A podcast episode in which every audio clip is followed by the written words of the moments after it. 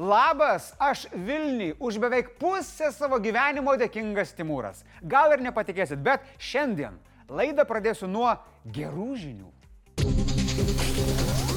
Pagaliau Vokietija išstenėjo tai, kas jiems strigo beveik metus laiko. Šolcinantis Vokietijos kancleris pagaliau pasakė, kad jie Ukrainai patys duos ir partneriams leis duoti tankų Leopard 2.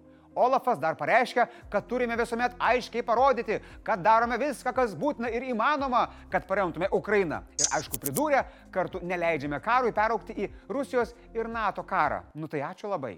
Tai jeigu šiandien laukėt progos bokalui pakelt,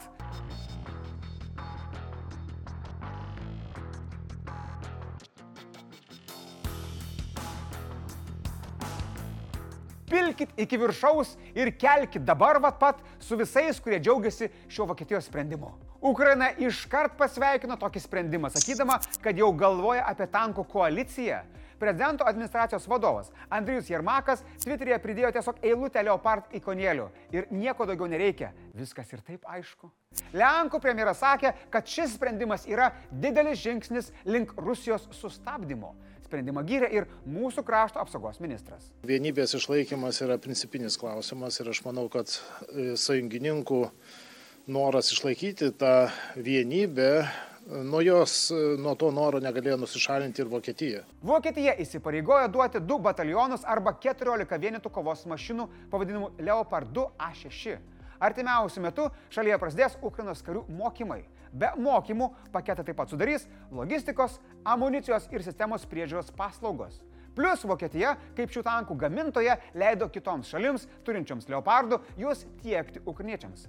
Mažai tikėtina, kad Ukraina gaus visus 300 prašomų tankų, kurių, kaip jie teigia, reikia laimėti karą. Tačiau jei pustuzinis vakarų valstybių irgi duos po 14, bendras skaičius padidėtų iki beveik 100. O tai jau gana ženkliai pablogintų Kremliaus pimpačiukų miegą. Mes juk to ir norime, ne? Pavyzdžiui, ispanai jau irgi tikrų tikriausiai svarsto duoti tankų. Plus nepamirškite, kad Junktinė karalystė dar pridės apie 10 savo tankų Challenger 2. Sklinda gandai, o jie tiksliau du šaltiniai Junktinėse valstijose teigia, kad Vašingtonas taip pat atsiūs 30 savo tankų Abrams M1. Apie tai tikėtina bus pranešta dar šiandien. Teroristiniai valstybei Rusijai gal dar kelnes nėra pilnos, bet jau reikėtų galvoti apie atsarginės.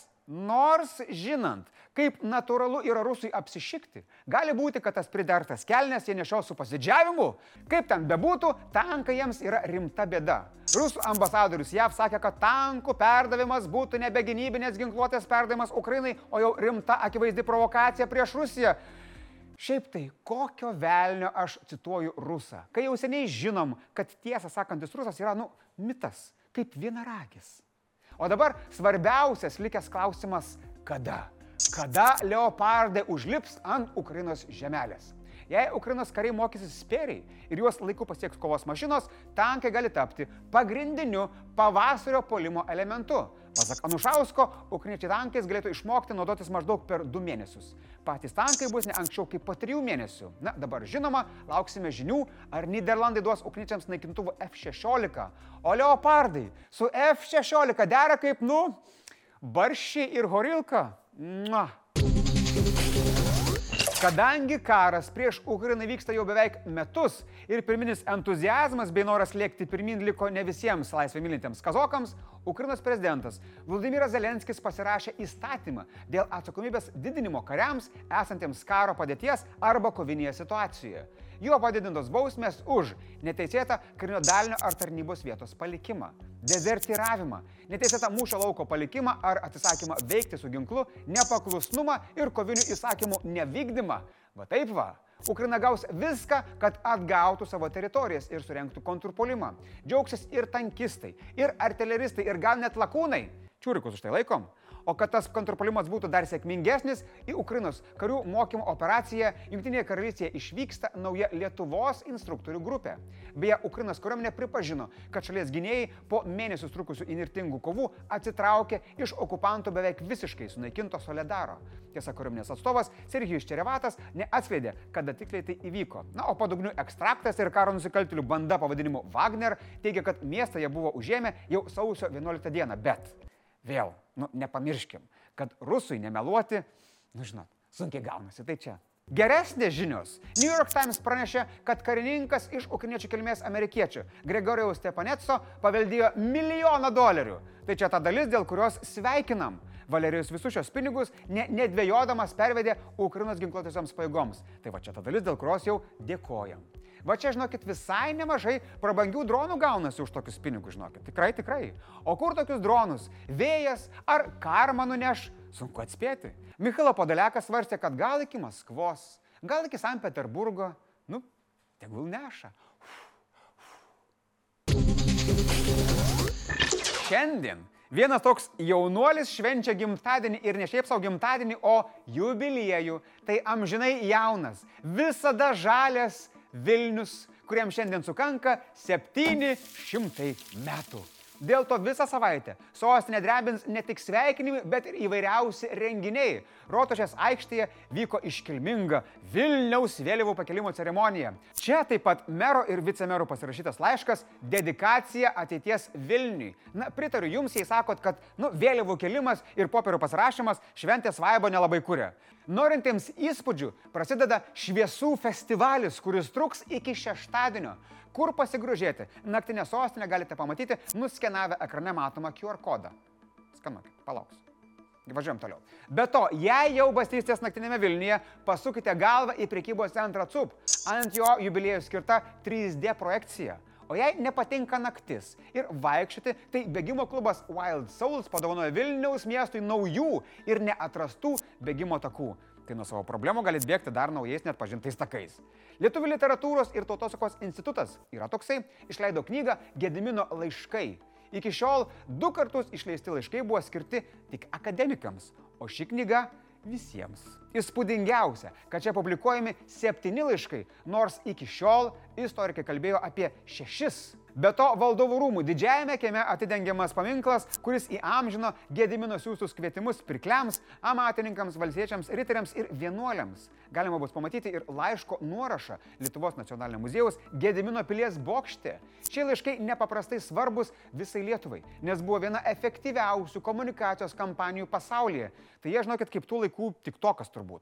Gediminas į Lietuvą kvietė geros valios žmonės, stengiasi atkreipti krikščioniško pasaulio dėmesį į vokiečių ordino puldinėjimus ir net du kartus paminėjo Vilniaus vardą. Vilnius prie sveikinimai iš sostinės garbės piliečių. Prezidentas Gitanas Nausėda sakė, kad švęsti leidžia istorijoje priimti drąsūs, vizionieriški sprendimai. Ukrainos prezidentas, kuris šiandien beje irgi švenčia savo kem penktą gimtadienį, siuntė savo palinkėjimus sostiniai. Sakė, kad mus sieja bendras likimas būti laisvais. Nu, Prezidentas Vilniui suteikė ir miesto gelbėtojo titulą už pademonstruotą humanizmą, gailestingumą ir solidarumą su Ukrainos žmonėmis. Apdovanojimą merui Remigijui Šimašiui įteikė Ukrainos ambasadorius Petro Bešta. Kaip sakė Šimašius. Tai yra iš tikrųjų didelis įvertinimas e, ne miesto merui, ne miestui abstrakčiam, bet visiems Vilniečiam. Tai labai mūsų to sveikinu ir linkiu niekada nepamesti Gedimino laiškų dvasios. Tai su gimtadieniu Vilnių, o jei ir jūs mylite Vilnių, spauskit laiką dabar pat. Kiek laikų bus, tokį didžių ir šventę. Oi, nežinau, nežinau, ar vakar kažkas egliai linkėjot plikledžio, bet jeigu linkėjot, nu tai žinokit, išsipildė. Dėl sunkių oro sąlygų rytas Lietuvoje prasidėjo nuo slystančių ir duštančių automobilių. Keliuose Vilnius Kaunas bei Vilnius Panevežys vyko masinės avarijos. Atrodė, kad avarijų flashmobą kažkas surengė. Eismas šiomis kryptimis dieną buvo laikinai uždarytas. Viename eismo įvykėje susidūrė aštuoni automobiliai. Už 300 metrų nuo tos vietos susidūrė dar keturios mašinos. Po to susidūrė dar trys automobiliai ir du vilkikai. Ir čia tik kelyje Vilnius panevežys. Kelyje Vilnius Kaunas įvyko kita masinė avarija. Susidūrė apie 15 automobilių. Tuomet, kiek tolėliau, susidūrė dar 12 automobilių ir du vilkikai. Kas kaltas? Avat ir pasiginčykim komentaruose slidus asfaltas, kelininkai, o gal vairavimo sąlygų neįvertinę vairuotojai, gal ką? Tai kaip jūs galvojat, kuris? Važiuojam. Aišku, žiema šiuo metu siaučia ne tik Lietuvoje. Šalčiai jau antrą dieną iš eilės kelia chaosą Rytų Azijoje. Pietų Koreja šiandien popiet vis dar buvo uždaryti mažiausiai 8 keliai ir 10 jūrų maršrutų. O mažame oro uoste Pietų Korejos Džedžudo saloje tūkstančiai keliautojų bando patekti į lėktuvus dėl pogos smarkiai vėlavus skrydžiams. Sunki situacija ir Japonijoje. Dėl gausaus snygio ir rekordinių šalčių tūkstančiai traukinių keleivių vakarinėse Kyoto ir Šygos prefektūrose naktį turėjo praleisti vagonuose arba stotise. Svarbiose keliuose visoje šalyje įstrigo daug transporto priemonių, atšaukta šimtai skrydžių. Tai va tokie šitie orai, kaip matot. Nu va, orus pradėjau pranešinėti. Nu, liko tik horoskopus pradėti rašyti ir šulyje tau šakės. Blitz naujienos. Konservatorių partijos pirmininkas Gabrielius Landsbergis žada su partiečiais tartis dėl požiūrio į nepartinius kandidatus. Taip nusprendė po žinios, kad taip į Seimą išrinktas Kristijonas Bartoševičius figūruoja teisės saugos tyrimė dėl galimo vaikų seksualinio prievartavimo ir tvirkinimo. Vis dėlto jis pabrėžė, jog norėtų, kad partija liktų atvira nepartiniams kandidatams ir jais pasitikėtų. Ispanijos policija areštavo vyrą įtariamą dėl neseniai premjerui ir Ukrainos ambasadai atsiustų laiškų su sprogmenimis. 74 metų vyras areštuotas Ebro Mirandoje. Policija vyro namuose atliko Elkratą.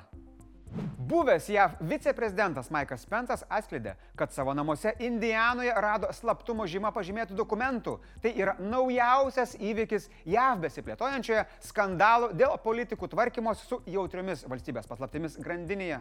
O. Draugai, šiandien noriu pagaliau komentaruose, kad išsiaiškintumėm, kas yra kaltas dėl avarijų slidžiuose keliuose. Slidus keliai kelininkai, o gal jūs patys, kurie neįvertinat, kaip slidu yra kelyje. Šiaip tai, gal ir nesažininga, ką parodysiu dabar, bet labai patogu.